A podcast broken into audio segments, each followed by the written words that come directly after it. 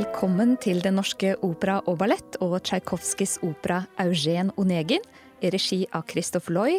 Jeg heter Hedda Høgåsen Hallesby, jeg jobber som dramaturg ved Nasjonaloperaen, og jeg tror, eller vet, at mange har fordommer om opera. For det første at det er storslått, med store kostymer, store stemmer og stort drama der Rigoletto bestiller mordet på sin egen datter, der Madama Butterfly stikker kniven i brystet rett før teppet går ned, bare for å ta noen eksempler fra operaer vi har vist den senere tiden. En annen fordom om opera, som kanskje er relatert til dette storslåtte, er at det ikke angår oss. Våre liv er ikke sånn. De fleste av oss opplever livet som en rekke hverdager, der smulene på bordet tørkes av og kommer tilbake, der kurven med skittentøy tømmes og fylles, der helgene, høytidene og festene kommer og går med forventninger, men kanskje også med krangler og skuffelser, og som etterlater seg minner som til sammen med alle disse hverdagene blir et liv. Et liv som er langt fra den utstøtte Rigolettos eller den forlatte Madama Butterflies, men som likevel ikke er uten dramatikk. Dramatikken i våre liv handler, vil jeg påstå, som regel om det som oppstår i møtene mellom oss mennesker og i møte med oss selv. Og det er gjerne det siste, møtet med oss selv, som kan være det mest nådeløse. Og det er det denne operaen handler om, og det er derfor den angår oss. Det var også derfor komponisten Peter Tsjajkovskij ville skrive dette verket. Det var nødvendig for ham, rett og slett. Vi er i Russland i årene 1877 til 78, og Tsjajkovskij har etablert seg som en av de betydelige russiske komponistene. To år tidligere hadde han hatt premiere på balletten Svanesjøen, han hadde alt fire operaer i bagasjen og jobbet samtidig på sin fjerde symfoni. Men han var noe annerledes enn sine kollegaer i Russland som Borodin og Rimskij-Korsakov, fordi han var mer orientert mot det sentraleuropeiske, særlig fransk musikk med sin sterke dansekultur og balletter, og mindre mot det nasjonalromantiske russiske. Dansen har også en sentral rolle i den operaen dere skal oppleve i kveld, med valser og poloneser. Men Tsjajkovskij var samtidig russisk, og han kjente sin Pushkin. Tsjajkovskij skrev hele tre operaer basert på denne forfatterens tekster. Aleksandr Pusjkins litteratur hadde dominert russisk kulturliv i mange tiår. Pusjkin er vårt alt, sa den russiske poeten Apollon Grigorjev. Egentlig var det ganske breialt å gi seg i kast med dette versedramaet som ble utgitt i 1820-årene, og som hadde fått et ikonisk status i russisk litteratur. Og det var også Tsjajkovskij veldig klar over og han var i begynnelsen i tvil om han kunne bidra med noe til dette ellers så fullendte verket, som han sa.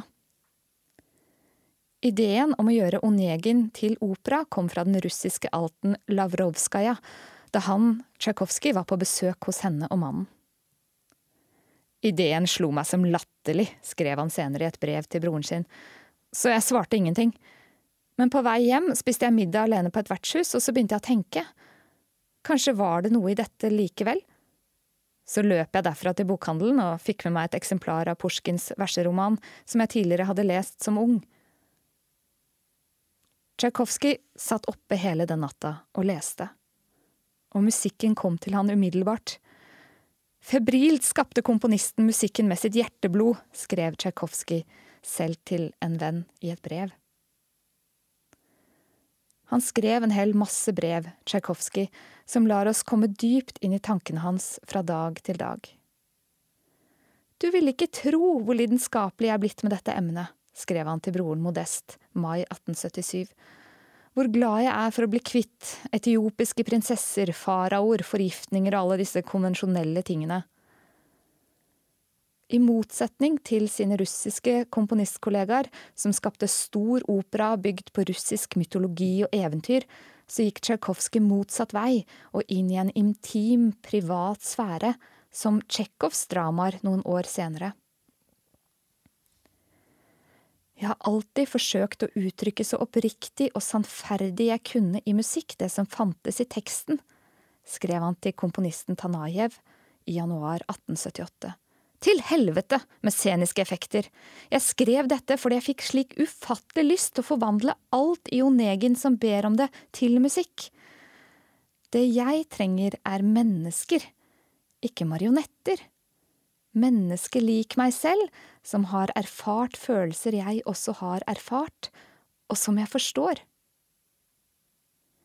Og den Tsjajkovskij forsto, var ikke tittelrollen selv, Eugen Onegin, nei, det var den unge jenta Tatjana, som i likhet med Tsjajkovskij er en brevskriver. Scenen der hun skriver brev, var den han startet med den feberhete natta da han skrev med sitt hjerteblod. Tsjajkovskij skrev selv librettoen med litt hjelp fra Konstantin Sjilovskij og baserte mye av teksten direkte på Pushkin. Han har tatt med overraskende mye, men den litt ironiske og distanserte fortellerstemmen hos Pusjkin er borte. Fortellerstemmen her, i operaen, finnes i orkesteret, og den er lite distansert og ironisk, den er snarere nær og intens. Tsjajkovskij har også fjernet hele forhistorien om denne mannen Onegins jetset-liv på byen, så når sceneteppet går opp, er vi allerede ankommet landsbygda, dit også Onegin har reist for å besøke sin venn Lenski. Men ennå er det en stund til de to gutta skal entre scenen. I stedet introduseres vi for fire kvinnestemmer, to eldre og to yngre, og vi tas med inn til hjertet av ethvert hjem, til kjøkkenet. Denne operaen åpner bemerkelsesverdig udramatisk. Bærene er modne, og husfolket skynder seg sakte med å safte og sylte, mens de to døtrene i huset, Tatjana og Olga, synger en sang som får moren Larina og den eldre barnepiken Filipjevna til å minnes sin egen ungdommelige skjønnhet og, og den kjærligheten de oppga. For de fikk ikke den de ville. Men med tida ble de vant med det. Vanen er sendt oss fra oven for å erstatte lykken, synger de to eldre kvinnene i motstemme til de to unge jentenes sang.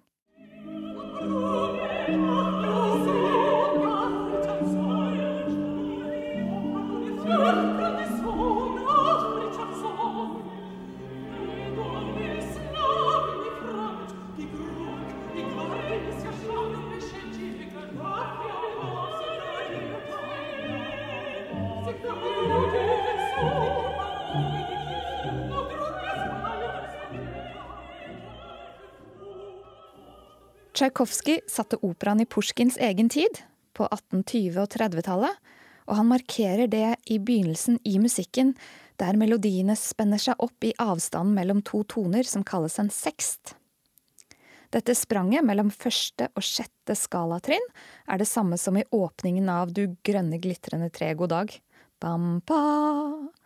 Og det karakteriserte mange av disse hjemlige romansene fra begynnelsen av 1800-tallet. Det var musikk skapt for amatørbruk hjemme, og den mest kjente komponisten av disse sangene var Aleksander Varlamov, og det er en sang av Varlamov som Olga og Tatjana synger offstage når operaen starter, til et dikt av Pusjkin. Og denne melodien den fletter seg etter hvert sammen med en melodi vi alt har hørt i forspillet, og som ofte kalles Tatjanas ledemotiv.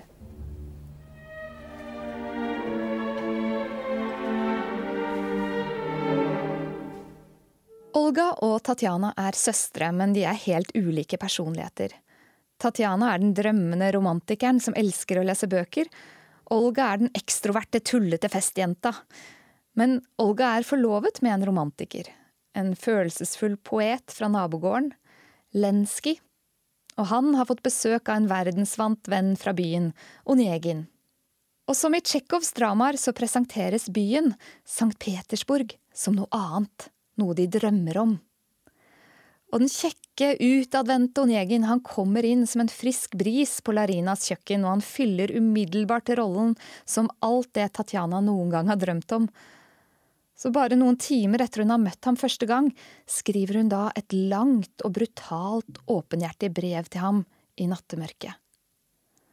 Og her, i denne scenen som Tsjajkovskij startet med, hører vi flere av Tatjanas melodier, som til sammen setter opp den musikalske rammen han skapte for hele operaen, og alle disse temaene er bygd opp over den store seksten.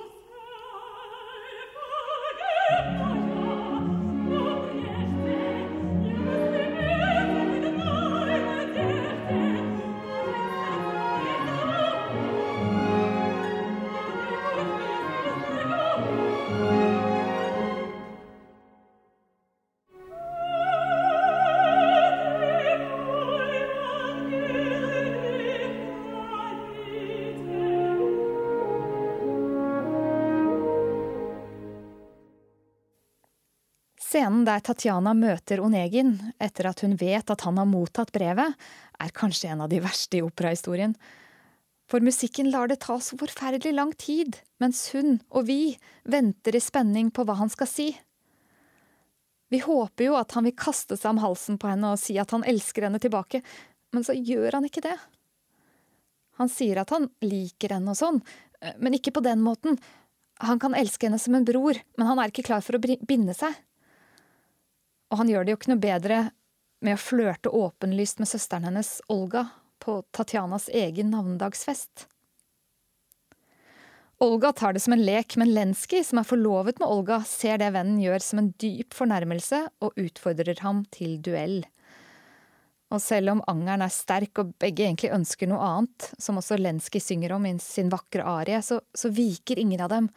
Onegin skyter sin venn så han dør noe forfatteren selv Pusjkin også gjorde, endte sine dager i en duell i 1837.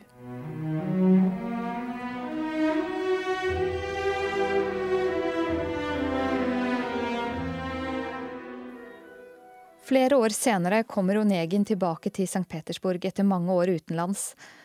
Han blir bedt til et ball til en av de rike familiene i byen, og i dansens mylder så kjenner han igjen én person, Tatjana. Hun er nå festens hovedperson, gift med fyrst Gremin, og Onegin blir fortryllet av henne og angrer bittert på det han har gjort. Så nå er det han som skriver til henne og ber om å få møte henne. Og hun har jo heller ikke glemt ham. Den der første sterke forelskelsen, den kan sette seg helt utrolig dypt. Jeg kan fortsatt drømme om han jeg var forelska i da jeg var 15 år, han som ikke var forelska i meg, han som knuste hjertet mitt, en opplevelse som kanskje har formet meg mer enn jeg forsto.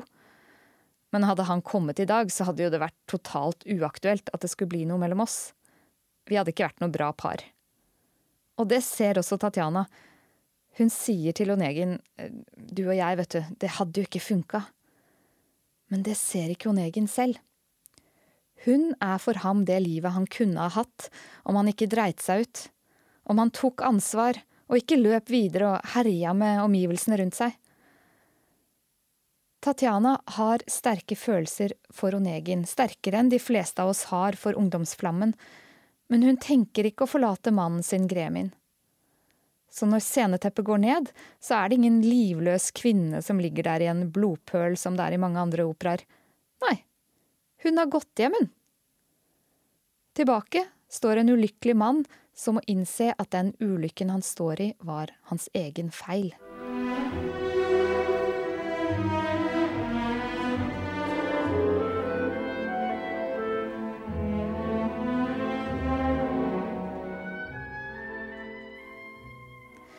Slik er handlingen, og den er så kort at den knapt kan kalles et plott. Og det gjorde heller ikke Tsjajkovskij. Han kalte dette lyriske scener, bestående av syv tablåer eller bilder. Og han trodde ikke dette var noe verk for de store operahusene, men for små, intime scener. Uroppførelsen var skrevet for elevene ved konservatoriet i Moskva, som framførte det på det lille Mali-teatret under Anton Rubinsteins ledelse 29.3.1879. Allerede halvannet år senere var Eugen Onegin å se ved Bolsjoj-teatret, men det var først da den kom til Marinskij i St. Petersburg i 1884 at det ble en stor suksess. Likevel har det lille og intime alltid vært en viktig del av dette verkets historie. Den legendariske regissøren, pedagogen og teaterlegenden Konstantin Stanislavskij, som har vært en grunnlegger av de tankene som de fleste skuespillere er utdannet i i vår tid, den tanken om at man skal leve seg inn i karakterenes indre for å spille dem ut på scenen, ja, han åpnet på begynnelsen av 1920-tallet et operastudio i sitt eget hjem. Her framførte studentene Onegin i et ganske lite rom som skapte en intimitet Stanislavskij var på jakt etter. Rommet har senere fått navnet Onegin-rommet, og det kan oppleves i Stanislavskij-museet i dag. Stanislavskij hatet de store faktene og klisjeene som opera ofte er fullt av. I stedet søkte han, i likhet med Tsjajkovskij selv, drama i de menneskelige følelsene alene. Det samme er vår regissør Christophe Loy kjent for. Han vil fortsette dette verkets historie og bringe det nær oss, også helt bokstavelig. Sangerne kommer så tett de kan opp til oss i den store salen der inne, og da framheves både kammerspillet og det klaustrofobiske i den verden vi introduseres for. For som det er i mange hjem, så kan det bli tett og trangt i Larinas hus, det er folk overalt, det er sladder og blikk, og Tatjana hun må bruke natta for å være alene. Og det å være alene, enten det er frivillig eller ufrivillig, det er også en viktig del av Lois tolkning, og han deler denne operaen i to, med en pause midt i andre akt. Eugen Onegin er egentlig en veldig symmetrisk opera, med to søstre, to unge menn, to par, to eldre kvinner, to landskap, altså byen og landet, vi har to brev, to ballscener, så at denne operaen da er delt i tre akter, skaper en viss asymmetri, med en veldig kort tredjeakt til slutt, og en, også noe ubalanse i framstillingen av karakterene. Dette har Loy villet endre på, og forteller den første delen fra Tatjanas perspektiv, den andre fra Onegins. Vi møter også to scenebilder. Det første er realistisk, nesten filmatisk, og det andre er tomt, et hvitt rom. Det minner om en celle der Onegin møter seg selv og må ta konsekvensen av måten han har levd sitt liv på. Første del kaller regissøren for solitude, altså en type ensomhet som handler om å akseptere og ønske ensomheten. Vi møter da Tatjana som går fra å uttrykke seg sterkt til å bli helt stille i løpet av sin egen fest. Hun går gjennom en slags selvreflekterende prosess, der skuffelsen blir noe hun lærer seg å hanskes med. I andre del, som regissøren kaller loneliness, en mer uønsket ensomhet, er sett fra Onegins perspektiv. Her støter han folk vekk fra seg. Han kommer ikke nær dem, og er nærmest fanget i sin egen ensomhet. Karakteren Onegin er ikke portrettert særlig nådig. Tsjajkovskij likte han ikke, rett og slett, og han ville ikke oppføre seg som ham, for da han komponerte verket, så mottok han selv et intenst brev fra en kvinne. Antonina Miljukova het hun, og hun elsket denne komponisten intenst. Men i motsetning til Onegin så gikk Tsjekhovskij med på å gifte seg med henne antagelig for å dekke over sin egen tiltrekning til menn, eller stoppe sladderen om at han var homofil. Ekteskapet deres ble ingen lykkelig historie. De levde sammen bare noen få uker, før Tsjajkovskij selv gikk i Volga for å prøve å pådra seg lungebetennelse og dø og rømme fra det hele. Det mislykket han med, men hun endte på sinnssykehus. Denne Onegin-skikkelsen, han er en elegant posør. Han er en kaldblodig kyniker og en besserwisser, og en av flere eksempler på dandyen, eller det overflødige mennesket som festet seg i litteraturen på 1800-tallet. Blant annet skildret i Ivan Turgenevs bok fra 1849, der en 30 år gammel mann har innsett at han en dag kommer til å dø, og for å få tida til å gå så begynner han å skrive dagbok, og han kommer fram til at den eneste egenskapen han utmerker seg med, er å være overflødig. Tendensen topper seg da Ivan Gontsjarov i 1859 beskriver en manns usikkerhet om hvorvidt han skal gå ut av senga, over 150 sider. Pushkin selv var en del av aristokratiet og gikk på den fineste skolen i Russland og festa til klokka fire hver natt. Men han tok etter hvert avstand fra dette rikmannsmiljøet, og Onegin-karakteren er nok et angrep på nettopp det. Han er 1800-tallets versjon av Tinder-generasjonen. Alltid rastløs, alltid klar for å sveipe når så langt videre til neste date og til neste mulighet. Vanen vil drepe kjærligheten, sier han og kjeder seg nesten til døde.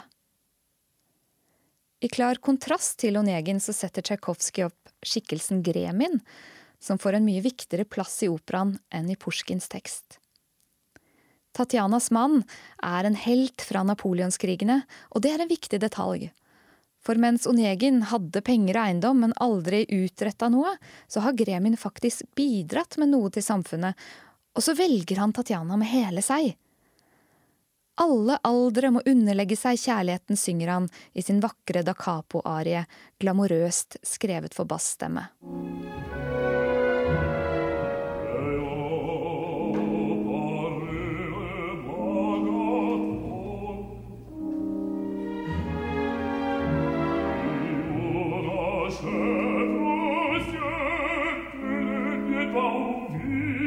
Det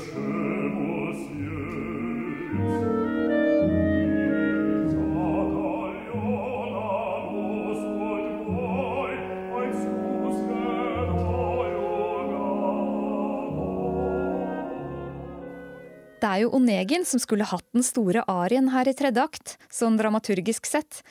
Han skulle ha stoppa opp og retta blikket innover, som man i opera gjør i en arie, og reflektert over måten han har behandlet de rundt seg, og tatt konsekvensen av det. Hvordan skal vi da forstå denne Onegin-skikkelsen når det ikke skjer?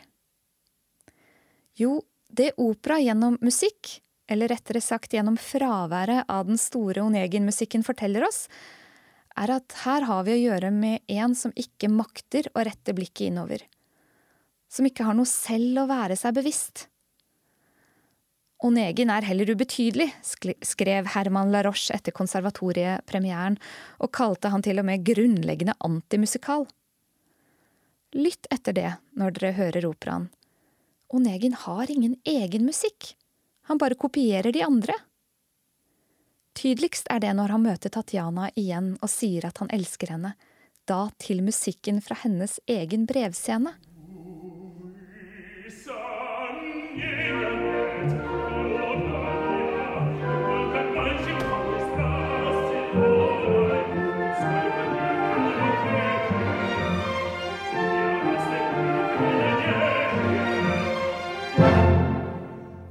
Tatjana selv derimot har et voldsomt musikalsk nærvær og en egenstemme gjennom hele operaen, også når hun ikke selv er til stede på scenen. Hun er en modig jente som tar sats og gjør handling ut av de store følelsene. Hun kjenner ikke konsekvensen av å skrive det brevet, men hun gjør det likevel. Samtidig er handlingen å skrive viktigere enn det hun skriver i seg selv. I Pushkins tekst står dette brevet skrevet på et litt dårlig fransk som en lukket ferdig tekst, men i operaen vises hun fram på en annen måte.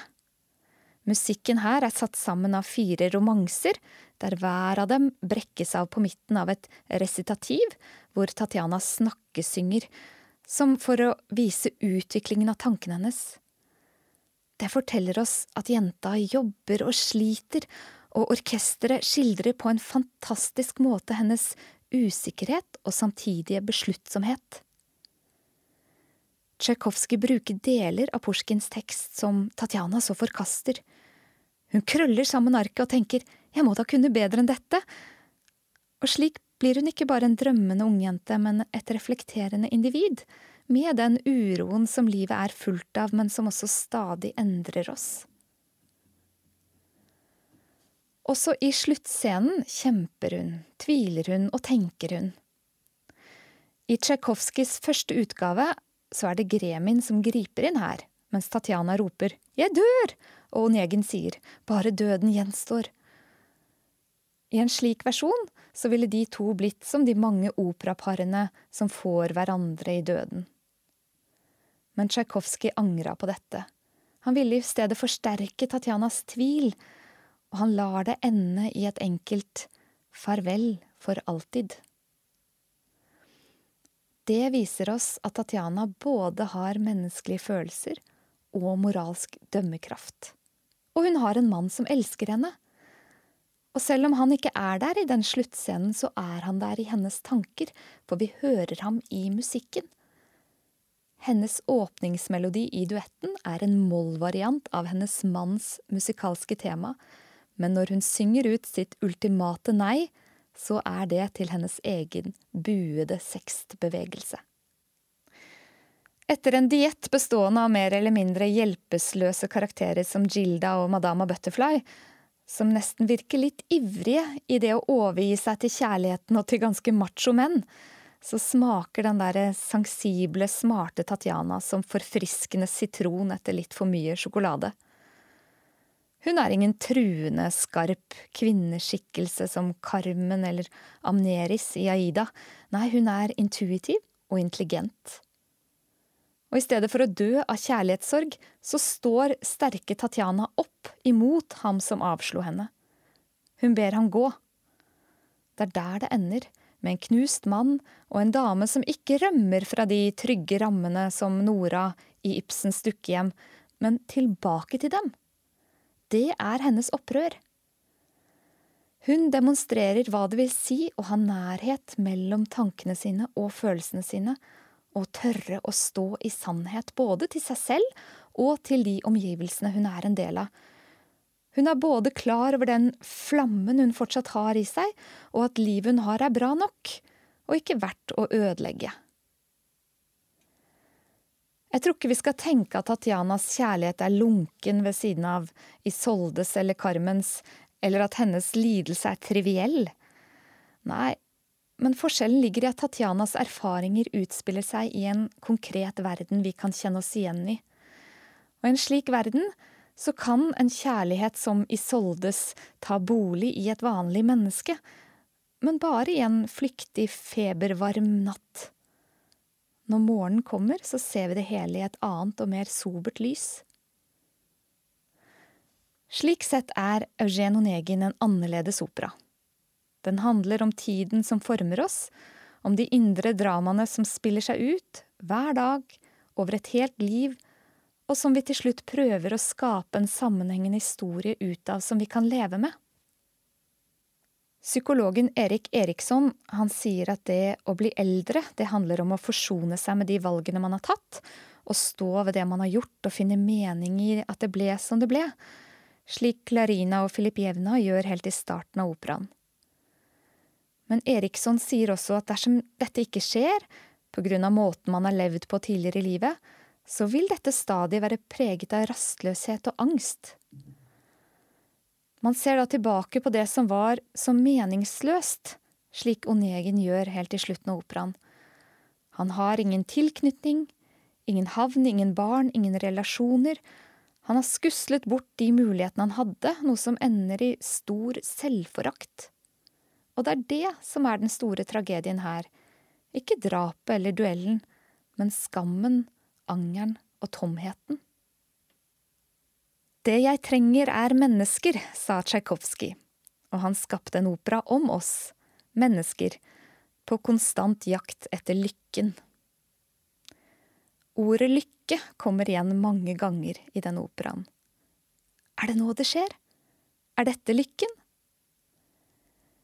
Jeg tror dette verket vil fortelle oss at lykken ikke lar seg fange, men at lykken er å ville lykken. Det motsatte av lykke er ikke å ville, ikke å skrive, eller ikke prøve skape det beste ut av den situasjonen man står i.